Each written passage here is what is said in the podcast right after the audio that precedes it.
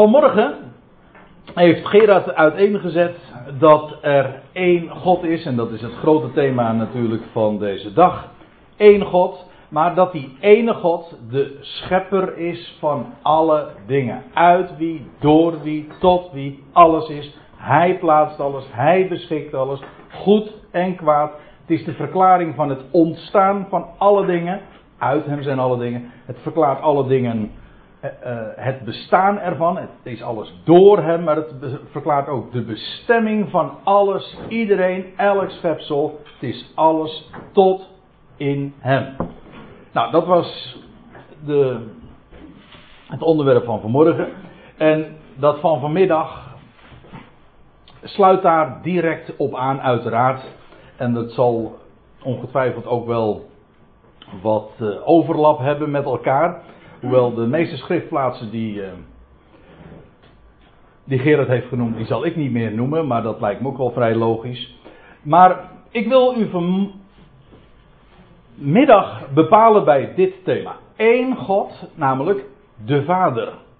En ik kan me voorstellen dat als je een traditioneel christelijke achtergrond hebt, en dat maakt dan ook geen verschil of, je, of dat charismatisch of rooms-katholiek of pinkster of evangelisch of reformatorisch is. Altijd denkt een traditioneel christen, van welke variant, dan ook, denkt daarbij, als je het hebt over één God, dan zeg je, dan formuleer je dat, dan leg je dat nader uit als één God, namelijk Vader, Zoon en Heilige Geest. Niet waar? Kijk in welke beleidenis ook. Van een kerkgenootschap of van een christelijke organisatie. Altijd is de eerste beleidenis. En dat, dat eh, zie je dus ook wel duidelijk in de, in de algemene christelijke beleidenissen. Die van Nicea en van Athanasius. Daar is het de waarheid. Of zoals men dat dan presenteert. Het is uh, het leerstuk van de drie-eenheid. Eén God, dat wil zeggen één wezen, zo formuleert men dat. Kijk, en dat zijn ongezonde woorden. Ik bedoel, het zijn woorden die niet aan de schrift ontleend zijn. De Bijbel kent helemaal niet zoiets als een wezen en, en personen. Zoek het maar op in uw concordantie, zult het niet terugvinden. Maar het is wel de basis zeg maar, van het hele traditionele kerkelijke denken. En wat vanmorgen gezegd is, ja, dat ligt dat is natuurlijk ook zo'n basale bijbelse waarheid, maar het staat zo haaks op wat algemeen in de theologie, in de filosofie gedacht wordt. En ik wil dat vanmorgen of vanmiddag nog wat toespitsen, namelijk op, op dit punt. Dat er één God is, namelijk de Vader. Eén iemand. En die ene iemand is de Vader. En ik begon nou te praten over de traditioneel christelijke leer. Ik ontkom daar namelijk niet aan. Maar eigenlijk heb ik daarmee ongeveer ook alles gezegd over die traditionele christelijke leer. Want ik wil het namelijk niet negatief presenteren. Ik wil niet gaan schoppen tegenover, tegen een bepaald uh, geliefd leerstuk. Ik wil u gewoon, en ja, het is een bijbelstudiedag, we willen de Bijbel openen en laten zien wat zegt de schrift hierover. Ik ontkom daarbij niet eraan uh, en ik herken dat ook, diezelfde achtergrond heb ik namelijk ook. Dat je bij dat idee van één God denkt aan drie personen. Het verhaal is, niemand begrijpt het. Niemand heeft ooit u of mij kunnen uitleggen, en ik ben er al wat mee bezig geweest, hoe dat nou ze kan. Hoe God nou één wezen kan zijn, maar ook drie personen. Wat is, wat is het verschil dan?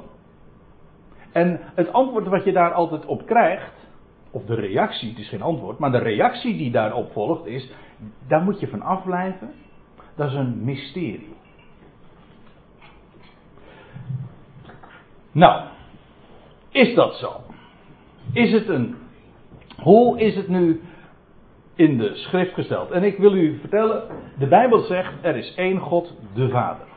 En dan niet komma, de Zoon en de Heilige Geest. Nee, er is één God, de Vader. En ik zal het u keihard ook aantonen. Dat is ook, zoals de inleiding van Gerard dat vanmorgen ook al was, ambitieus. En dat is, en dat is deze claim ook. Daarmee zeg je nogal wat. Ik ga u keihard, duidelijk, onomwonden aantonen vanuit de schrift dat er maar één God is, de Vader. Niemand meer. Hij is de enige. Maar goed, dat roept wel vragen op als wie is dan de zoon? En het gekke is, en dat, ja, ik loop een beetje voor mijn beurt te praten natuurlijk, want dat is een conclusie. Maar ik ga u alvast uh, dat uh, al op voorhand aankondigen. Het geweldige is, de Bijbelse waarheid is niet alleen solide, maar ook zo logisch. Zo duidelijk. Je kan er geen spel tussen krijgen, maar het is ook ineens helder. Eenvoudig. Hm? Zoals dit hele thema ook eenvoudig is. Goed. Eén God, de Vader. Laten we eens de schrift openen. En we gaan langs heel wat schriftplaatsen. Het is een thematische Bijbelstudie, dus ja, je ontkomt niet eraan om allerlei Bijbelse plaatsen op te slaan. 1 Timotheus 1. We gaan naar het eerste hoofdstuk van de brief die Paulus schreef aan de Timotheus, het 17e vers. Daar roept Paulus uit, dat, dat doet hij wel vaker in zijn brieven, zoals we dat vanmorgen ook zagen in Romeinen 11. Maar het is een lofzang en daar staat er de koning der eeuwen, of de koning van de Ionen, want dat is wat er eigenlijk staat. De koning der Ionen, de onvergankelijke, de onzindelijke en de enige God, zij eer en heerlijkheid tot in. En dan staat er letterlijk de, e, de van de Ionen. Of zoals u dat dan waarschijnlijk in uw eigen vertaling ziet, de MBG of de Statenvertaling, tot in alle eeuwigheden of tot in de eeuwigheden der eeuwigheden. Men heeft er maar wat van gemaakt, maar er staat gewoon dus dit, tot in de Ionen van de Ionen. Of eventueel tot in de eeuwen van de eeuwen, de wereldtijdperken. Maar waar het me nu even om gaat, is deze onderstreepte term, die uitdrukking, de enige God. Ik heb het in kapitaalletters gezet, omdat dat nu juist ook het hele thema van vandaag is. Hij is de ene God. Hij is één. In alle opzichten. Dat wat hij zegt, dat doet hij. Hij is uit één stuk. Maar hij is ook de enige God. Er is niemand anders dan hij. En, en nog even, voordat ik daar uh, wat over vertel, zal vertellen. Uh, er worden hier een aantal kenmerken gegeven van die enige God. Hij is de koning van de Ionen, dat wil zeggen, hij beheerst de wereldtijdperken. Hij is de onvergankelijke God. Hij heeft de eeuwen gemaakt, maar de tijden der eeuwen, de eeuwige tijden, of hoe je het ook maar noemen wil. Maar zelfs staat hij daarboven. Hij is onvergankelijk. En er staat bij ook de onzienlijke God. We zullen dat straks ook nog zien. Niemand heeft ooit God gezien. Hij, een van de kenmerken van de God is, hij wordt niet gezien. Hij kan ook niet gezien worden. De onzienlijke God. Ik weet dat dit meteen alweer een vraag oproept, want in de Bijbel lees je toch op diverse plaatsen dat God gezien wordt. Ja, maar daar zullen we het straks over hebben. Maar even dit. Die kenmerken. Hij is koning, hij is onvergankelijk, hij is onzienlijk. Allemaal kenmerken van die enige God. Maar dan nog iets. Het woord wat hier in het Grieks staat. Ik heb eventjes de loop erop gelegd. Daar staat monotheo. En dat betekent, en dat kennen we allemaal. Want daar staat in het Grieks een term die we allemaal kennen. Namelijk van monotheïsme.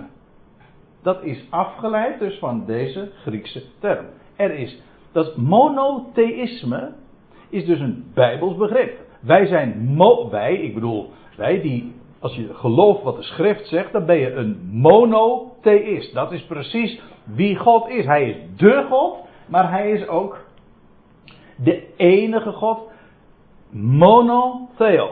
En die enige God is onzienlijk en onvergankelijk. Ga je naar, naar een andere schriftplaats nemen, waar je een soortgelijke waarheid ziet. De brief van Judas. Vers 25. Het heeft maar één hoofdstuk, dus het hoofdstuk hoef ik verder niet te vermelden. Daar staat de enige God. En hier weer exact hetzelfde verhaal als wat ik liet zien in 1 Timotheus. Hier staat ook weer monotheo. De enige God. En die enige God is onze redder. De redder van ons. En dan staat er, zij door Jezus Christus, onze Heer, heerlijkheid, majesteit, kracht en macht. Nou, hier zie je iets heel duidelijks zich aftekenen. Daar is die enige God, die is de redder. Maar hoe is hij dat? Dat is hij door Jezus Christus. Is Jezus Christus de enige God? Nee. Maar die enige God is wel, wij komen tot die enige God door hem. Hij, dat is altijd, we zullen dat voorzetsel straks nog nader bezien in 1 Korinthe 8. Maar dat is altijd wat gebruikt wordt in verband met Jezus Christus. Hij is het door wie God tot ons komt, maar omgekeerd ook door wie wij tot God gaan. Door Jezus Christus, Hij is onze Heer. En alle heerlijkheid, majesteit, kracht en macht, die wordt aan God, de enige God, toegebracht. Maar hoe gaat dat? Dat gaat door, of door middel van, of via de weg van Jezus Christus. Jehoshua, die de Messias, de Christus, de eh, ja, de Messias is. Hier zie je dus dat zowel die waarheid van de enige God, maar je ziet hier ook al iets zich aftekenen. Dat die enige God niet Jezus Christus is, maar Jezus Christus is wel degene door wie die enige God zich manifesteert. Johannes 17. Daar staat in vers 3. Dit nu is het eeuwige leven. En ik zet een streepje achter eeuw. Om daarmee aan te geven dat dat woordje. dat eeuwig heeft te maken met eeuw. Het heeft niet te maken met eeuwigheid. Dat is een, een theologische constructie die niet naar de schrift is. Eeuwig heeft te maken met eeuw. Ionisch heeft te maken met aion. Het Ionische leven, dat is nu niet het onderwerp, maar dat heeft te maken met het leven van die toekomende Ion. En hoe, waardoor wordt dat leven van die toekomende Ion, dat Messiaanse koninkrijk dat straks op deze wereld gevestigd zal worden, wat is het kenmerk van die Ion? Wel, dat is, nou laten we het maar lezen, dat is dat zij u kennen. Even voor de goede orde, want dat vergat ik nog te vermelden. Dit is Johannes 17, dat is het zogenoemde hoge priesterlijk gebed. Waarin de Heer Jezus vlak voor zijn gevangenneming uh, deze woorden uitspreekt. En hij spreekt hier tot de Vader. U leest, je leest dat in vers 1, dat, God, dat, of, pardon, dat Jezus Christus zijn ogen ophief en hij, zegt. Ja, hoe begint hij het precies? Maar in ieder geval, hij spreekt zijn Vader aan. Dus als hij zegt, dit nu is het Ionische leven dat zij u kennen, dat wil zeggen de Vader kennen. Straks, die toekomende Ion wordt gekenmerkt door het feit dat iedereen op deze, in deze wereld de Vader zal kennen. En wie is die Vader? Wel, dat is de enige waarachtige God. Hier weer dat woordje enig en enige, de unieke. Er is geen ander dan Hij. We zagen dat natuurlijk in de, vanmorgen ook al in diverse passages in, in Jezaja die Gerard liet passeren. Waar staat van, eh, ik ben God en buiten mij is er niemand. Dat soort accenten worden voortdurend gelegd. Hij is de enige. Maar let hierop. Hier spreekt Jezus Christus vlak voor zijn sterven zijn vader aan. En hij zegt tegen zijn vader: U bent de enige, de waarachtige God.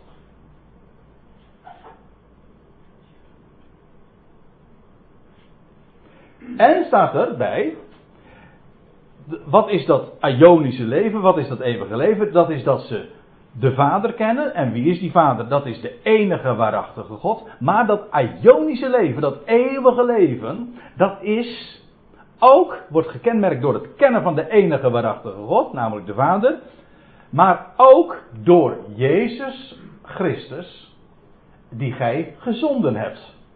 Dus eh, aan de ene kant is het, uh, het kenmerk van dat Ionische leven, dat eeuwige leven, dat ze de enige waarachtige God kennen, maar ook Hem kennen die door de Vader, de enige waarachtige God, gezonden is. U kennen de enige waarachtige God en Jezus, namelijk de Christus, die gij, Vader, enige waarachtige God, gezonden hebt. Dit laat aan duidelijkheid niets te wensen over. Hier is het Jezus Christus zelf die aan het woord is. En hij zegt: Wat is eeuwig leven? Dat is dat ze de Vader kennen als de enige, de waarachtige God. Maar dat niet alleen, maar dat ook die enige waarachtige God Jezus Christus gezonden heeft.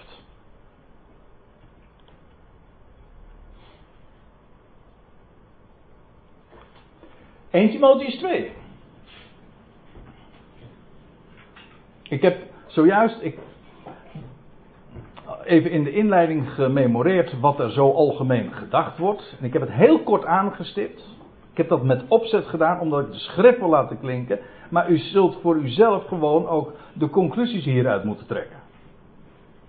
Dat als je de schrift open gaat doen, dan worden dingen duidelijk. Maar dan ga je ook het contrast ontdekken en ervaren, misschien zelfs aan de lijf. Wacht even, maar dit, dit gaat, staat zo haaks op wat, ik, op wat ons altijd verteld is. Op wat we altijd gedacht hebben. Dat is waar.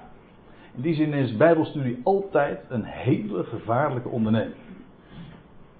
Dat, eh, je bent bij voorbaat dan gewaarschuwd, want je hebt een scherp zwaard in de handen.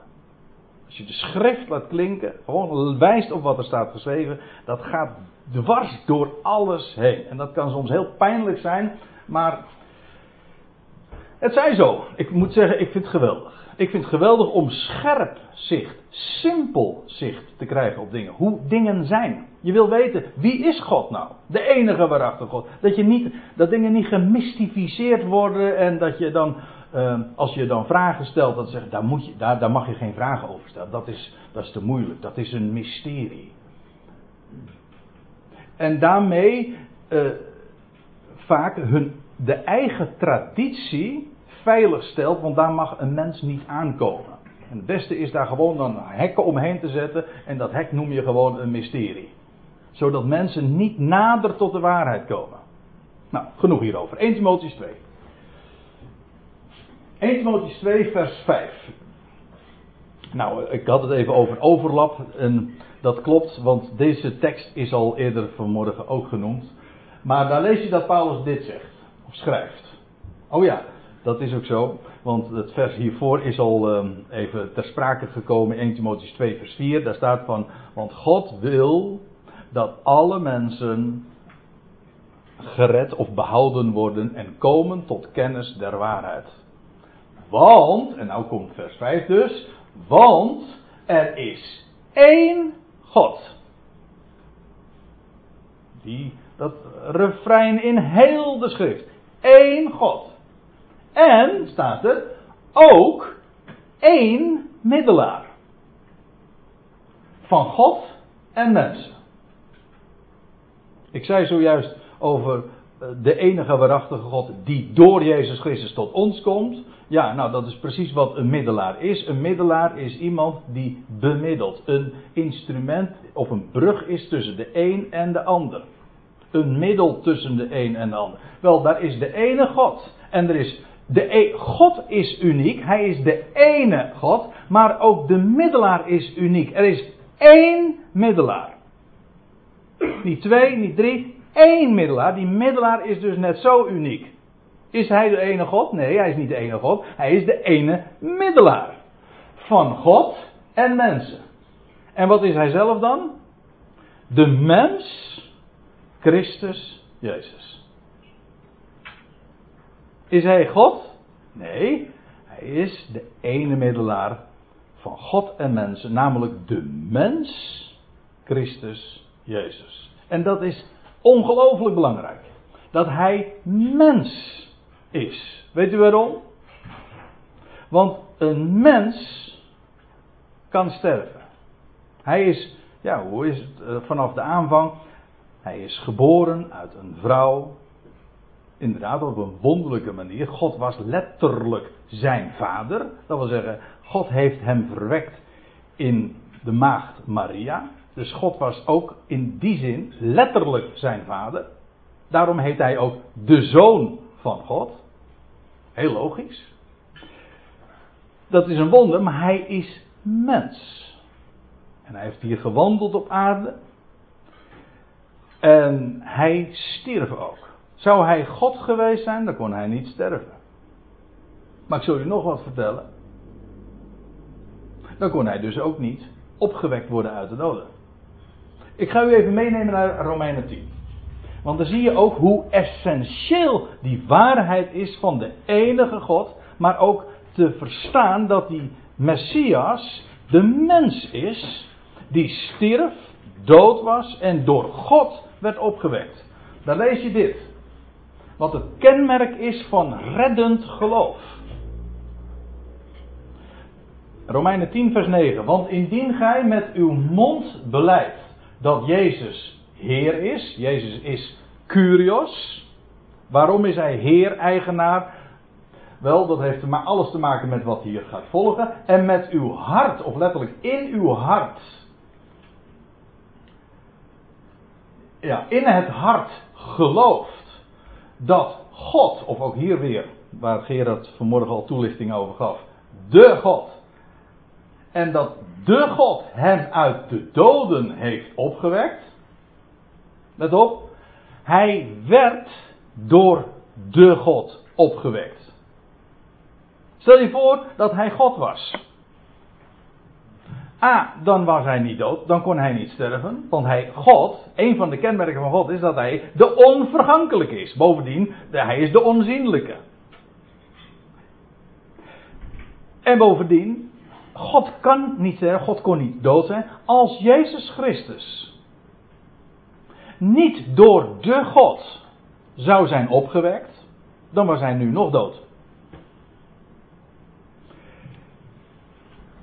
Een gelovige, dat is iemand die met zijn mond beleidt dat hij Heer is. En dat betekent dat, dat hij Heer is, dat is hij juist op grond van het feit dat God hem, dat God hem uit de doden heeft opgewekt en die plaats als Heer gegeven heeft. En daar staat er nog bij, zult gij behouden of gered worden. En het is vanmorgen ook al even aangehaald. Dit is de erkenning die uiteindelijk elk mens zal doen. Elke knie zal buigen, elke tong zal beleiden dat hij Heer is. En deze waarheid zal inderdaad universeel erkend worden. Van harte, met de tong, niet de lip, met de tong. Namelijk dat God hem, die mens, die stierf, drie, drie dagen dood was, God, de God, heeft hem opgewekt. En dat is het evangelie. Het is dus niet waar wat in sommige, in een bepaald versie van, van paasliederen eh, gezongen wordt van hij steeg uit graf door eigen kracht, want hij is God bekleed met macht. Als dat zo is, kan ik dit niet van harte beleiden. Hij, was geen, hij steeg niet uit graf door eigen kracht, want hij is God bekleed met macht. Nee, hij, als, hij, als hij God was geweest, had hij niet eens in het graf gelegen. Hij steeg uit, uit u leest dat in Romeinen 6, vers 4, geloof ik. Eventjes, moet even spieken hoor. Romeinen 6.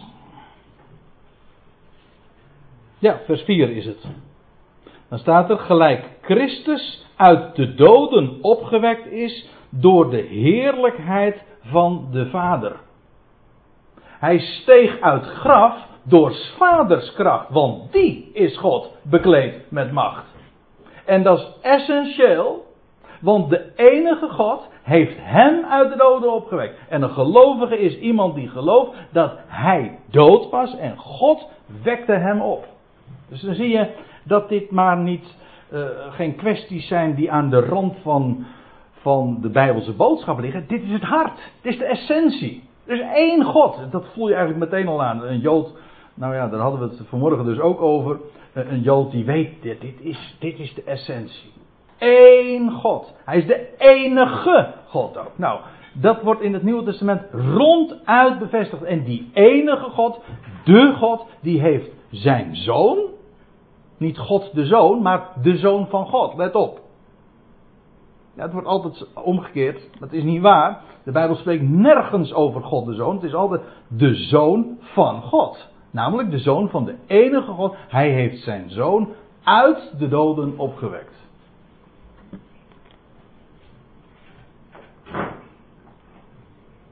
Ja. 1 Korinthe 8. Nog een schriftplaats.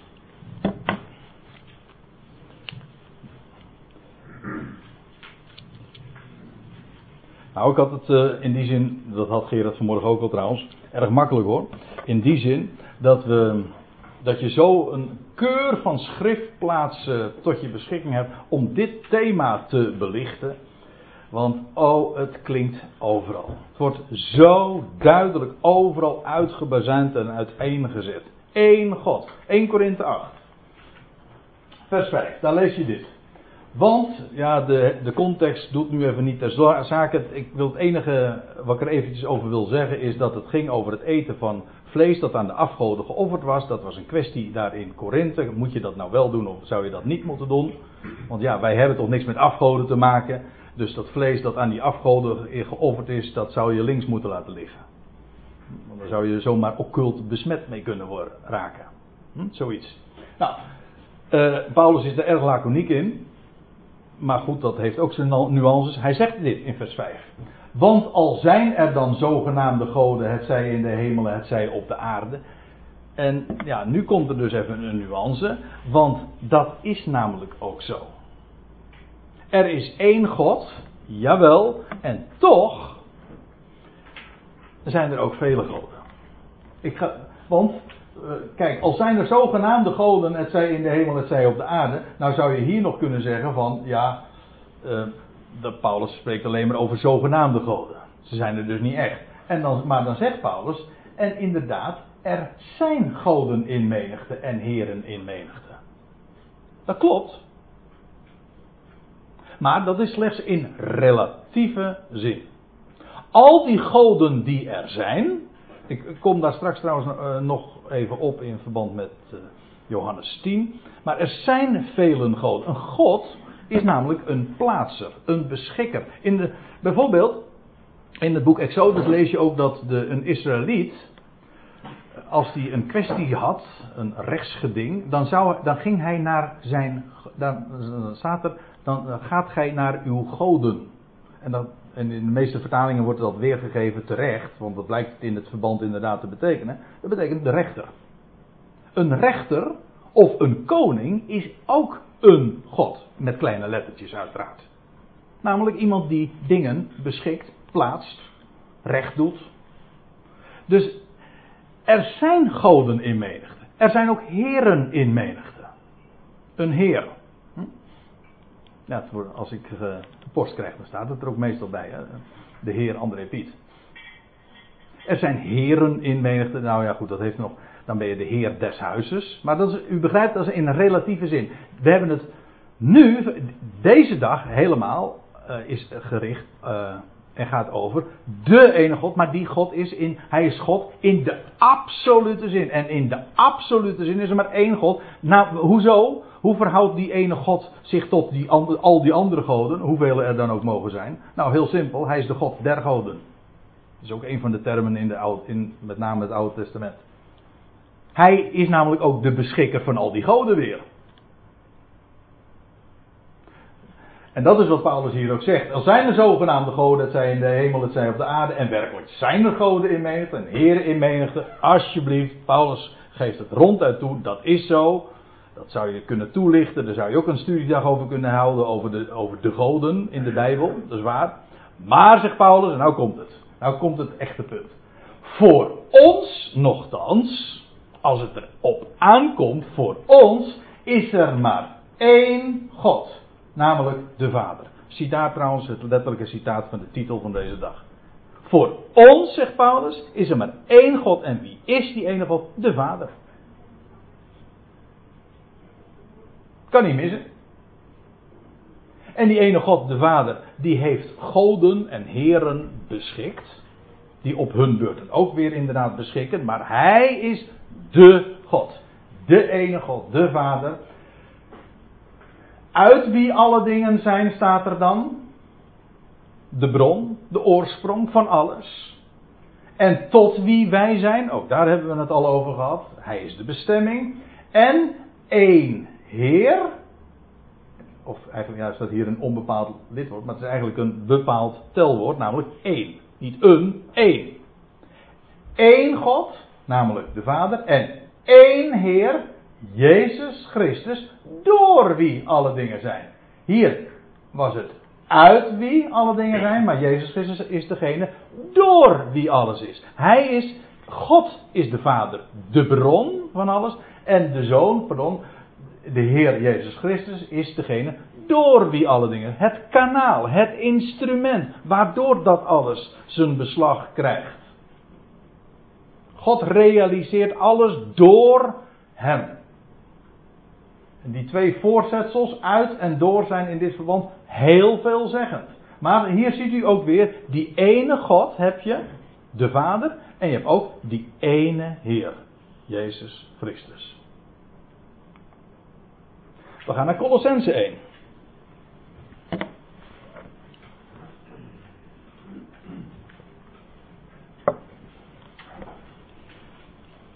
Colossense 1, vers 15. Een paar dingen hebben we inmiddels al gezien, ook over de Heer Jezus Christus, in het laatste vers nog, dat Hij het kanaal is door wie alles zich voltrekt en door wie God de dingen realiseert, de middelaar. En zo hebben we al een aantal dingen ontdekt, zo in die schriftplaatsen die ik uh, liet zien. Maar hier in Colossense 1, vers 15 vind je nog zo'n heel belangrijk gegeven. En dat vinden we dan ook weer terug in 2 Korinthe 4, maar dat laat ik nu, nu, nu niet zien. Maar het is dit gegeven. Hij, en als u even door, terugbladert in Colossense 1, ik geloof dat het vers 13 is, dan gaat het, die hij, dat is de zoon van zijn liefde. Zo wordt hij genoemd. Dus die hij hier is dus onmiskenbaar de zoon van Gods liefde. En wie is hij dan? Wel, hij is de zoon van Gods liefde. Die, hij is het, staat er eigenlijk niet. Maar hij is beeld van de onzienlijke God. In het Grieks ziet u hier het woordje icoon, icoon staan. En, en dat kennen we natuurlijk het woordje icoon. In het, in het Engels zeg je ook een icon. Een icoon, een beeld of een, eigenlijk een afbeelding. Wie is de zoon van Gods liefde? Wel, hij is het icoon van de onzienlijke God. Ik heb expres dit uh, icoontje, dit plaatje erbij gedaan. Waarom? Omdat dit ook zo'n uh, een voorbeeld is van een icoon. En een bijbels voorbeeld ook, want ik heb de tekst hier vermeld, Matthäus 22, vers 20. Dan lees je daar uh, dat Jezus in een dispuut is geraakt, of in ieder geval hij wordt geconfronteerd met een vraag, eigenlijk met een. Een strikvraag werd hem voorgelegd over belasting geven, of belasting betalen. En is dat nou geoorloofd of niet? En dan vraagt Jezus, uh, zegt, nou, geef me eens een munt. En dan, laat, hij zegt, en dan vraagt hij, wiens, en dan laat hij dat munt zien. En zegt, wiens beeld is dit? En toen, nou ja, het antwoord toen was van, dat van de keizer. Dus op die munt stond de kop van de keizer. Op onze munt staat de kop tegenwoordig van de koning. Nog op dit plaatje was het nog koningin Beatrix. Maar dat is het icoon. En dan maar, waarom vermeld ik dit nu? Omdat dit uh, in het Grieks. Oh ja, trouwens in het Nederlands ook. Dan, vraagt hij wiens beeld of wiens beeltenis is dit. Maar dan staat in het Grieks gewoon dit woordje: icoon. Icoon. Een beeld. Wie is dit? Wie als ik. Nou, dat is een aardige vraag. Als ik u vraag: wie is dit? Dan, geeft u als antwoord: dit is, dit was uh, onze voormalige koning, dit is onze voormalige koningin Beatrix. Dan kun je zeggen, dit is Beatrix. Maar als ik zeg dit is Beatrix, dan is dat beeldspraak. Want dit is Beatrix niet. Want Beatrix die zit er ergens in Den Haag, denk ik, of zo weet ik veel. Maar in ieder geval, dit is niet echt, het is bekende beeldspraak. Zoals Jannie tussen de middag zei van, uh, die steen die u daar in het IJsselmeer ziet liggen, of in de zee, dat is Christus. Dat, dat, dat begrijpt iedereen, dat is beeldspraak. Het ene staat voor het andere. Het is niet letterlijk zo, maar in beeld is het zo. Dit is de koningin, dat kun je zeggen, maar dat is beeldspraak. Niet letterlijk, maar figuurlijk. Dat wil zeggen, het figuur staat daarvoor, representeert dat. Heel simpel, ik, ik zit het nu wat uit te wijden, maar ik bedoel, we kennen het fenomeen in het dagelijks spraakgebruik, doen we dat voortdurend. Spreek, eh, dat is beeldspraak, dat is een, een van de bekendste stijlfiguren. Maar als je dit eenmaal doorziet, dan, dan, wordt een hele grote, complexe theologische kwestie in één keer volkomen opgelost. En dat is, hoe kan het nou dat God, de onzienlijke, bij gelegenheid wel degelijk gezien wordt? Er zijn toch veel wat schriftplaatsen. Ik, neem, ik zal u een voorbeeld geven. Straks, op, uh, straks, dan in Zachariah 14 lees je dat Yahweh zal verschijnen op de olijfberg. En zijn voeten zullen staan op de olijfberg die voor Jeruzalem ligt aan de oostkant. En de berg zal splijten enzovoort. Maar dan staat er de Heere zal verschijnen. Hoe kan dat nou? Hoe kan Yahweh nu verschijnen? Hij, is toch de, e- de onzienlijke God? Jawel, maar hij heeft een icoon. Hij heeft een beeld. En dat beeld representeert hem. Hij is niet de onzienlijke God, letterlijk, maar in beeld wel. Hij is het beeld van God. Ja, dan staat er letterlijk de on, in de vertaling staat er dan de onzichtbare God. Letterlijk staat er, u ziet het hier, van de God, de onzichtbare. Hier ook weer, de God. En de God is de onzichtbare. Maar als hij alleen de onzichtbare zou zijn, dan zou God dus nooit kunnen verschijnen. En toch verschijnt hij. Ja, maar daar heeft hij een icoon voor.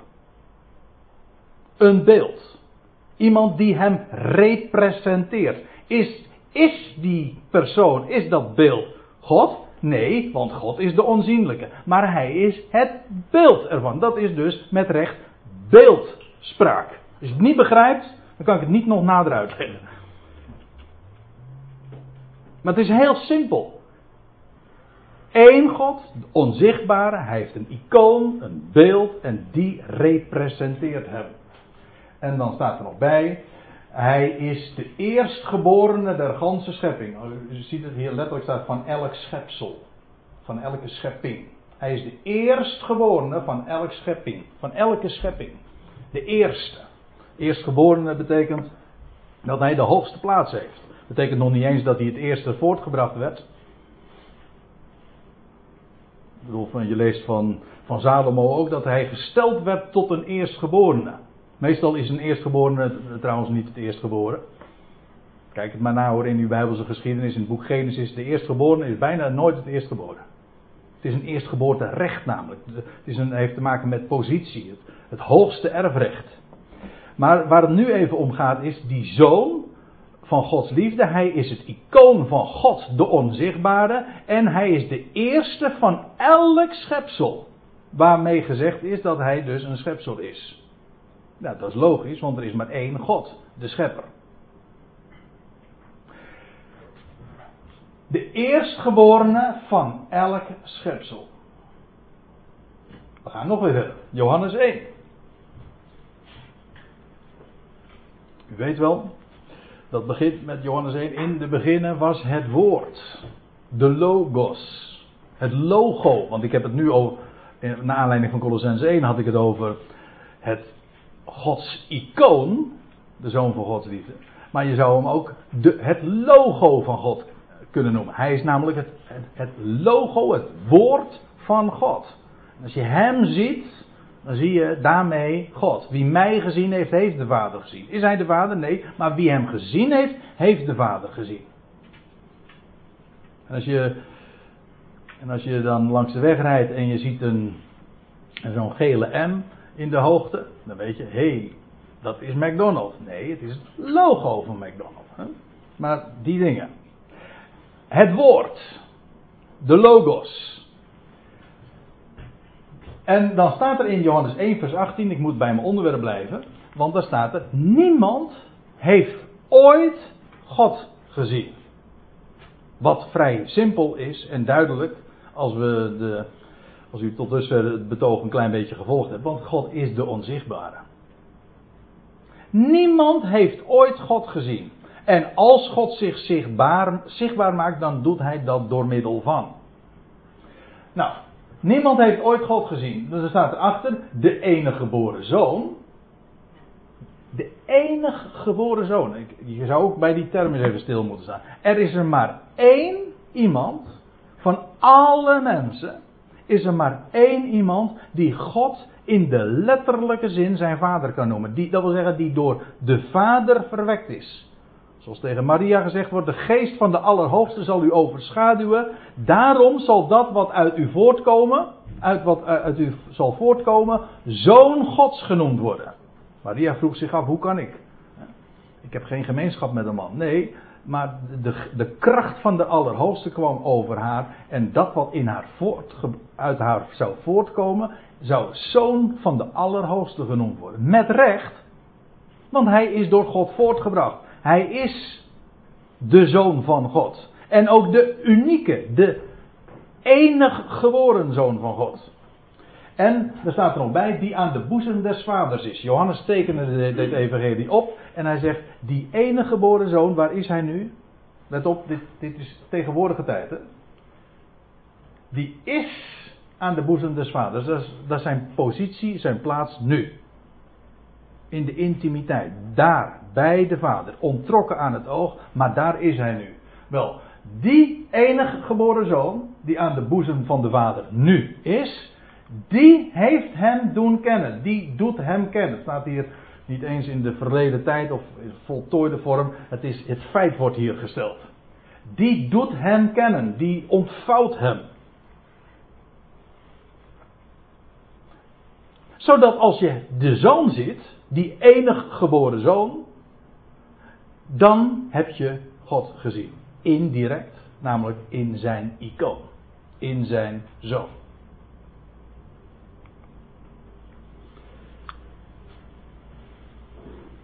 We gaan naar Johannes 10. Ja, dat is een hele interessante plaats. Ik had hem aanvankelijk niet in mijn presentatie verwerkt, maar ik heb me tot op het, op het laatste moment nog even bedacht. En ik dacht, deze schriftplaats moet erbij. Omdat we daarin geconfronteerd worden met een beschuldiging die de Joden deden naar aan het adres van Jezus. Namelijk van blasfemie, van godslastering. En wat was zijn godslastering? Wel, dat is wat zij zeiden. U maakt uzelf God. Nou, laten we het eens lezen. Johannes 10, vers 33. Daar staat. De Joden antwoorden hen: Niet om een goed werk willen wij u stenigen, want ze, ze namen al de stenen op. Zo gaat dat vaak, hè? Als je, als je uitkomt, want wat, wat de Heer namelijk gedaan had. Lees het maar eens terug in, uh, in, uh, in de voorgaande versen. Hij had de schriften geopend. En laten zien wat daar staat.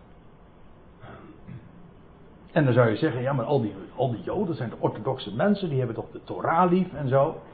Daar kun je dat toch wel kwijt. Nou, u ziet het. Weet je wat ze voor hem over hadden? Stenen. Ze wil weg ermee. De waarheid mag niet gehoord worden. Want dat is niet aangenaam, dat is niet welgevallig. Het gaat zo in tegen alles wat we altijd gedacht hebben. Nou, de Joden antwoorden: Niet om een goed werk willen wij u stenigen, maar om godslastering. hier staat in het, ons woordje blasfemie, is eigenlijk ook weer een Grieks woord. Het wemelt in de Nederlandse taal van woorden die allemaal ontleed zijn aan het Grieks. Maar om blasfemie. Waarom? En omdat gij, en dat betekent hier natuurlijk namelijk, omdat gij, gij, een mens, uzelf God maakt. U, mens zijnde, u maakt uzelf God. Dat was zijn beschuldiging. Of hun beschuldiging, sorry. Hun beschuldiging was dat Jezus zichzelf God maakte. Als God presenteerde. Dit is een heel belangrijk punt. Want nu komen we dus op. Nu, nu, nu gaan we een reactie vernemen van de zoon zelf. Of dat klopt of niet. Als, kijk, de Joden waren hier zo alert op. Want u weet, en dat is vanmorgen ook uiteengezet. De Joden hebben maar één, als het erop aankomt, maar één echte geloofsbeleid. En dat is er één God is. En Jezus heeft dat ook bevestigd. Dat is inderdaad het eerste gebod van alles. Dus als daar iemand zou komen en die maakt zichzelf God, zich gelijk met God, dat is blasfemisch. Wat heeft het christendom gemaakt, gedaan? Die heeft inderdaad gezegd: de zoon is God. Hij is God de zoon. A gaat dat in tegen de waarheid dat er maar één God is, namelijk de Vader. Bovendien gaat in tegen de waarheid dat hij de zoon van God is. Niet God de zoon, de zoon van God.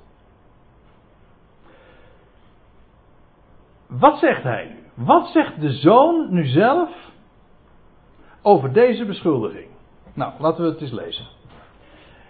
Jezus antwoordde hun, die Joden, die hem dus beschuldigen van blasfemie. En die zeggen van u maakt uzelf God. Hij zegt, Jezus antwoordde, is er niet geschreven in uw wet? En hij citeert, of hij verwijst nu naar Psalm 82. Dat is trouwens die psalm waar God ook de God der goden genoemd wordt. En dan zegt hij, en dan citeert hij, ik heb gezegd, en het is hier God die zelf aan het woord is, gij zijt goden. Dus daar zegt God zelf tegen schepselen, jullie zijn goden. Nou, als hij, God, hen goden genoemd heeft, tot wie het woord Gods gekomen is, dat wil zeggen, God spreekt schepselen, hoge creaturen, koningen, rechters. Sommige mensen denken aan hemelwezens, doet nu even voor dit verhaal niet ter zake. Het gaat er even om, God spreekt schepselen, tot wie het woord van God komt, die zelf het geadresseerd zijn. Als God spreekt, dan adresseert hij zijn woord. Wel, God sprak zijn woord tot mensen, tot schepselen, laat ik het algemeen zeggen, tot schepselen. En hij noemt hen goden. Nou, hou hem even vast. Als hij, als God nou hen goden genoemd heeft, tot wie het woord Gods gekomen is, en zegt hij er dan nog bij. En de schrift kan niet gebroken worden, of eigenlijk de schrift kan niet ontbonden worden. Met andere woorden, de Bijbel, dat is het eind van alle tegenspraken. Hm? Let erop, dat zegt de schrift. Als God nou mensen aanspreekt en jullie zijn goden, nou, zegt, als dat nou zo is, zegt gij dan, zeggen jullie dan, meervoud, zeggen jullie dan tot hem, die de Vader geheiligd en in de wereld gezonden heeft, gij lastert, omdat ik heb gezegd, ik ben Gods zoon?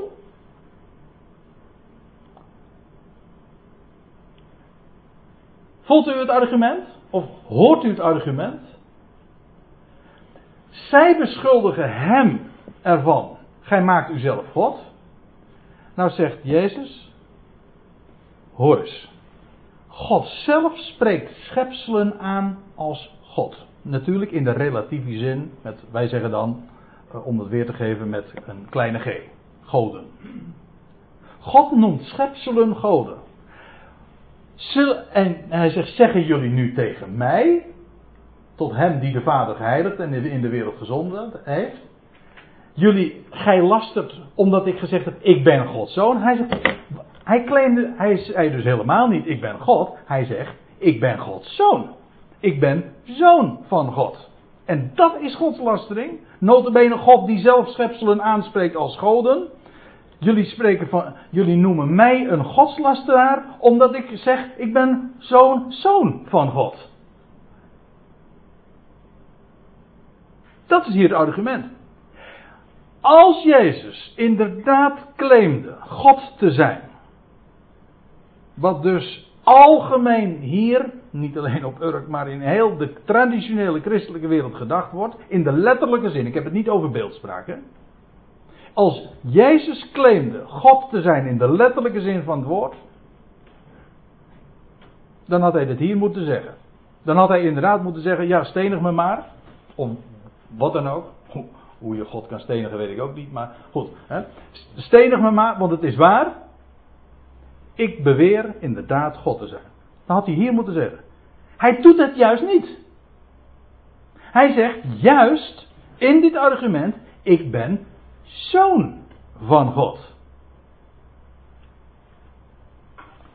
Enige waarachtige God, Hij is de Vader. En ik ben de zoon van God.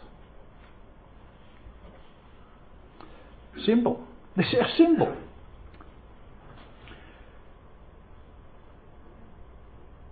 Nou, nu gaan we nog naar één schriftplaats toe. 1 Korinthe 15.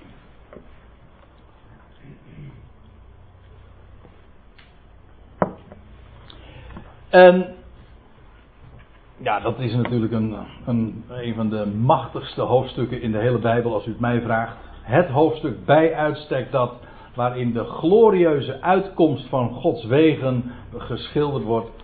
Dat de God echt de levende God is en, en allen levend gaat maken. En dan lees je dit. Want dat heeft ook alles te maken met, met de waarheid waar we het vandaag over hebben, namelijk dat er één God is, namelijk de Vader. Ik zal het u laten zien. 1 Korinthe 15. Ik schrom nu een beetje omdat ik, uh, ik val midden in het gedeelte, maar uh, 1 Korinthe 15 vers 22, daar, daar lees je dan dat Paulus schrijft, want daar begint eigenlijk het argument, want evenals in Adam allen sterven, wat een evident feit is. Alle Adamieten, alle nakomelingen van Adam zijn stervelingen. Hoe komt dat? Wel, ze zijn in Adam. Zo zullen ook in Christus allen levend gemaakt worden. Maar, zegt Paulus, niet allemaal tegelijk. Ieder in zijn eigen rangorde. Christus als eersteling. Nou lees ik het alsnog voor. Maar goed, uh, ik lees het alleen voor. Christus als eersteling. Vervolgens die van Christus zijn in zijn parousia. Dat is de tweede rangorde. En dan de laatste rangorde, degene die dus niet van Christus zijn. Daarna het einde, wanneer hij het koninkrijk aan God de Vader overdraagt. Aan, let op, aan God de Vader. Weet u hoe vaak die term voorkomt? God de Vader. Vele tientallen keren in het Nieuwe Testament, met name dan. God de Vader. Weet u hoe vaak de uitdrukking God de Zoon tegenkomt? Nou, u, u, u raadt hem al. Inderdaad, niet één keer. En dan te bedenken dat dat de belangrijkste, het belangrijkste dogma is in de christenheid. Dat een, het belangrijkste dogma, maar dat niet één keer in de Bijbel voorkomt. Sterker nog, het, wordt er, het staat haaks op de Bijbelse waarheid. Hij is, er is één God, de Vader, en de zoon is niet God de zoon, hij is de zoon van God. Logisch. Maar goed. Uh, als hij het koninkrijk, vers 24, als hij het koninkrijk aan God de Vader overdraagt, wanneer hij alle heerschappij, alle macht en kracht ontroond zal hebben, of buiten werking gesteld zal hebben.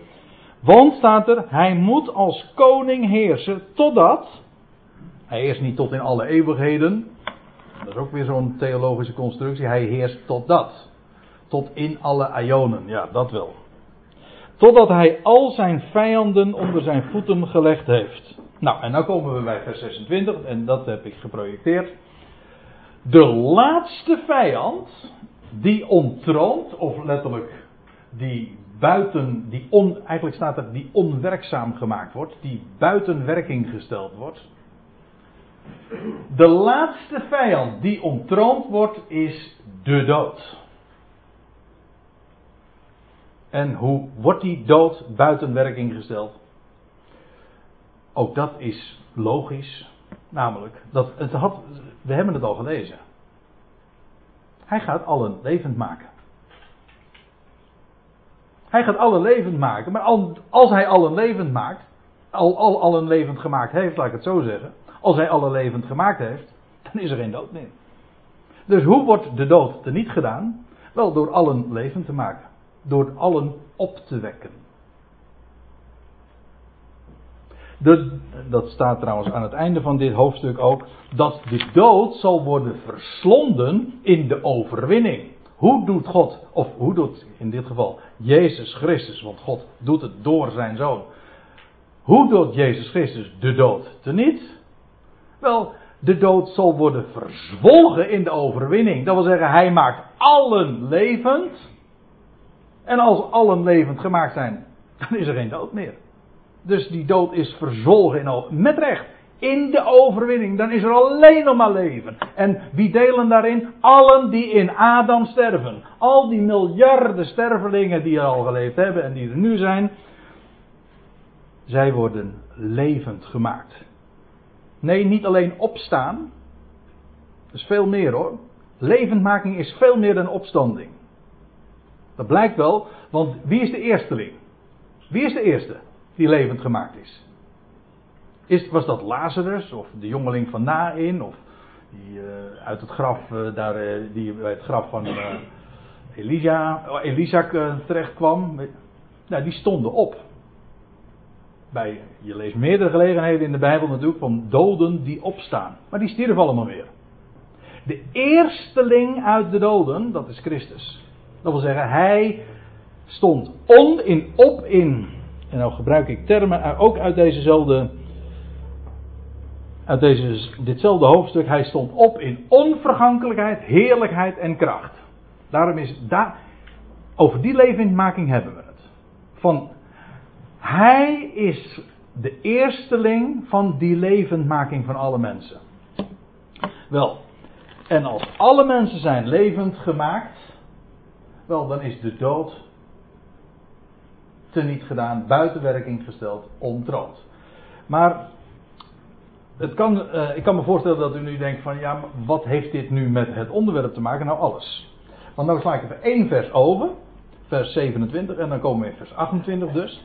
Wanneer alles hem onderworpen is, hem, dat is dus, hij, hij moet heersen totdat hij al zijn vijanden onder zijn voeten gesteld zal hebben. Dat gaat hij ook doen. Hij gaat heersen in de toekomende ionen. En de laatste vijand die hij niet doet, dat is de dood. Dan is er geen dood meer. Wel, dan, en bij die gelegenheid is alles hem dus onderworpen. Dan is dus de zoon van David, de zoon van God, hij is een nakomeling van David, maar hij is de zoon van God, dan, heeft, dan is alles hem onderworpen, alles hem ondergeschikt. Hij is dan Heer van allen. En allen zullen dat ook erkennen en beleiden. Maar dat zagen we dus ook al.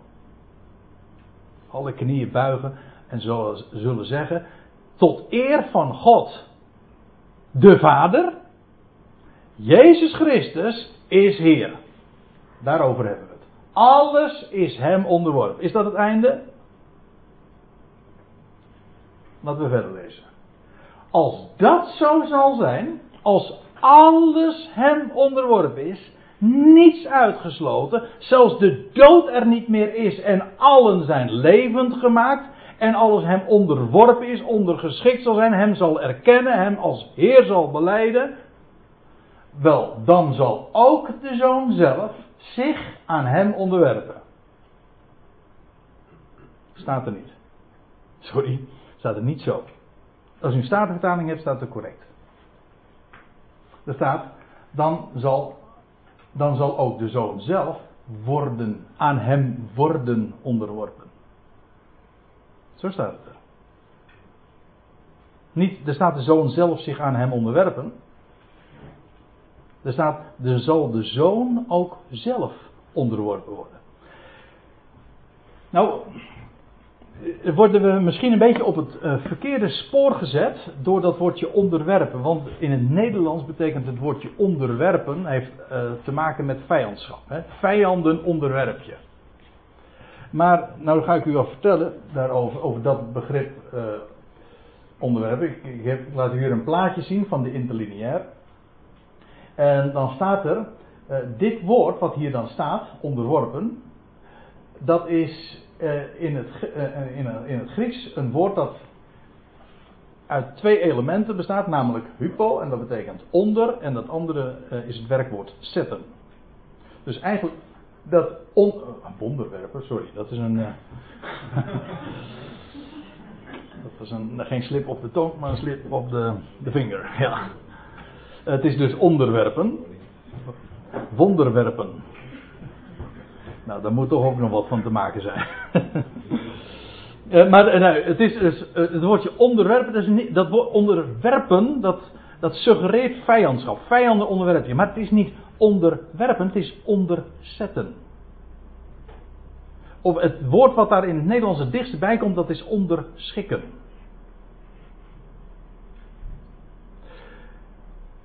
Iets eronder zetten.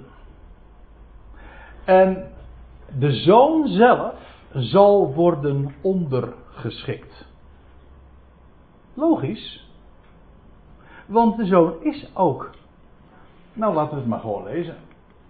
Wanneer alles, laten we het woord eh, onderwerpen nu vervangen door onderschikken. Dat is precies wat het is. Onderzetten. Wanneer alles hem ondergeschikt is, hem als Heer erkent en beleidt dan zal ook de zoon zelf, de zoon van God dus, zelf aan hem worden ondergeschikt. Namelijk aan hem die hem alles ondergeschikt heeft. God heeft de zoon ingezet om alle dingen te onderschikken. Dat is in Gods plan de wijze waarop hij opereert. Alles wordt een plaats gegeven onder de zoon. Maar dat heeft God, de Vader, zo beschikt. Dat is de positie die hij aan de zoon heeft toevertrouwd. Hij heeft de zoon een taak gegeven, zijn icoon, zijn zoon, om door hem dat alles te verrichten. Gaat het om de zoon? Nee, het gaat niet om de zoon. Het gaat om God. Alle tong zal beleiden Jezus is Heer. Maar tot wiens eer is dat? Tot eer van God de Vader. Zodat ook de zoon zelf, hoe hoog zijn positie ook is, uiteindelijk zal blijken dat zijn positie ondergeschikt is. Letterlijk, ondergeschikt is aan hem die hem alles onderschikt heeft. En als al als de zoon de taak van de zoon gereed is, hij gedaan zal hebben wat hem was toevertrouwd.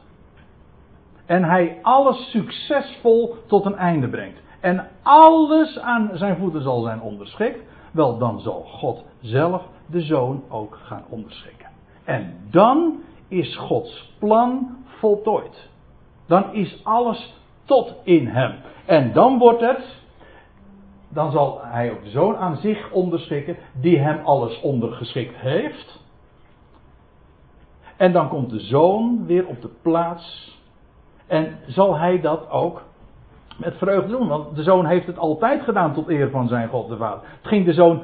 De gezindheid van de Heer Jezus Christus was nooit voor zijn eigen eer. Het ging hem altijd om zijn God en Vader. Altijd.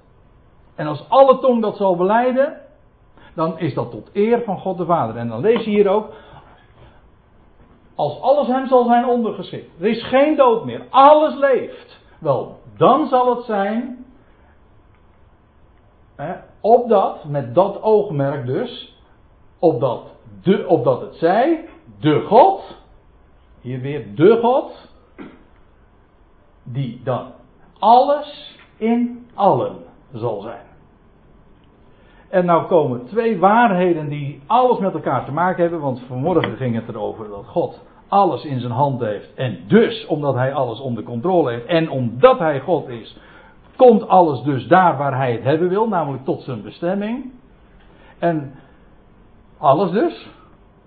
Maar dat betekent dus ook dat er maar één is om wie het uiteindelijk allemaal draait. En die alles daar brengt hij het hebben. En opdat de God, zij alles. Hij wordt dan alles in al zijn schepselen. Je moet zich zo voorstellen. Voor de Ionen was God alles in zichzelf.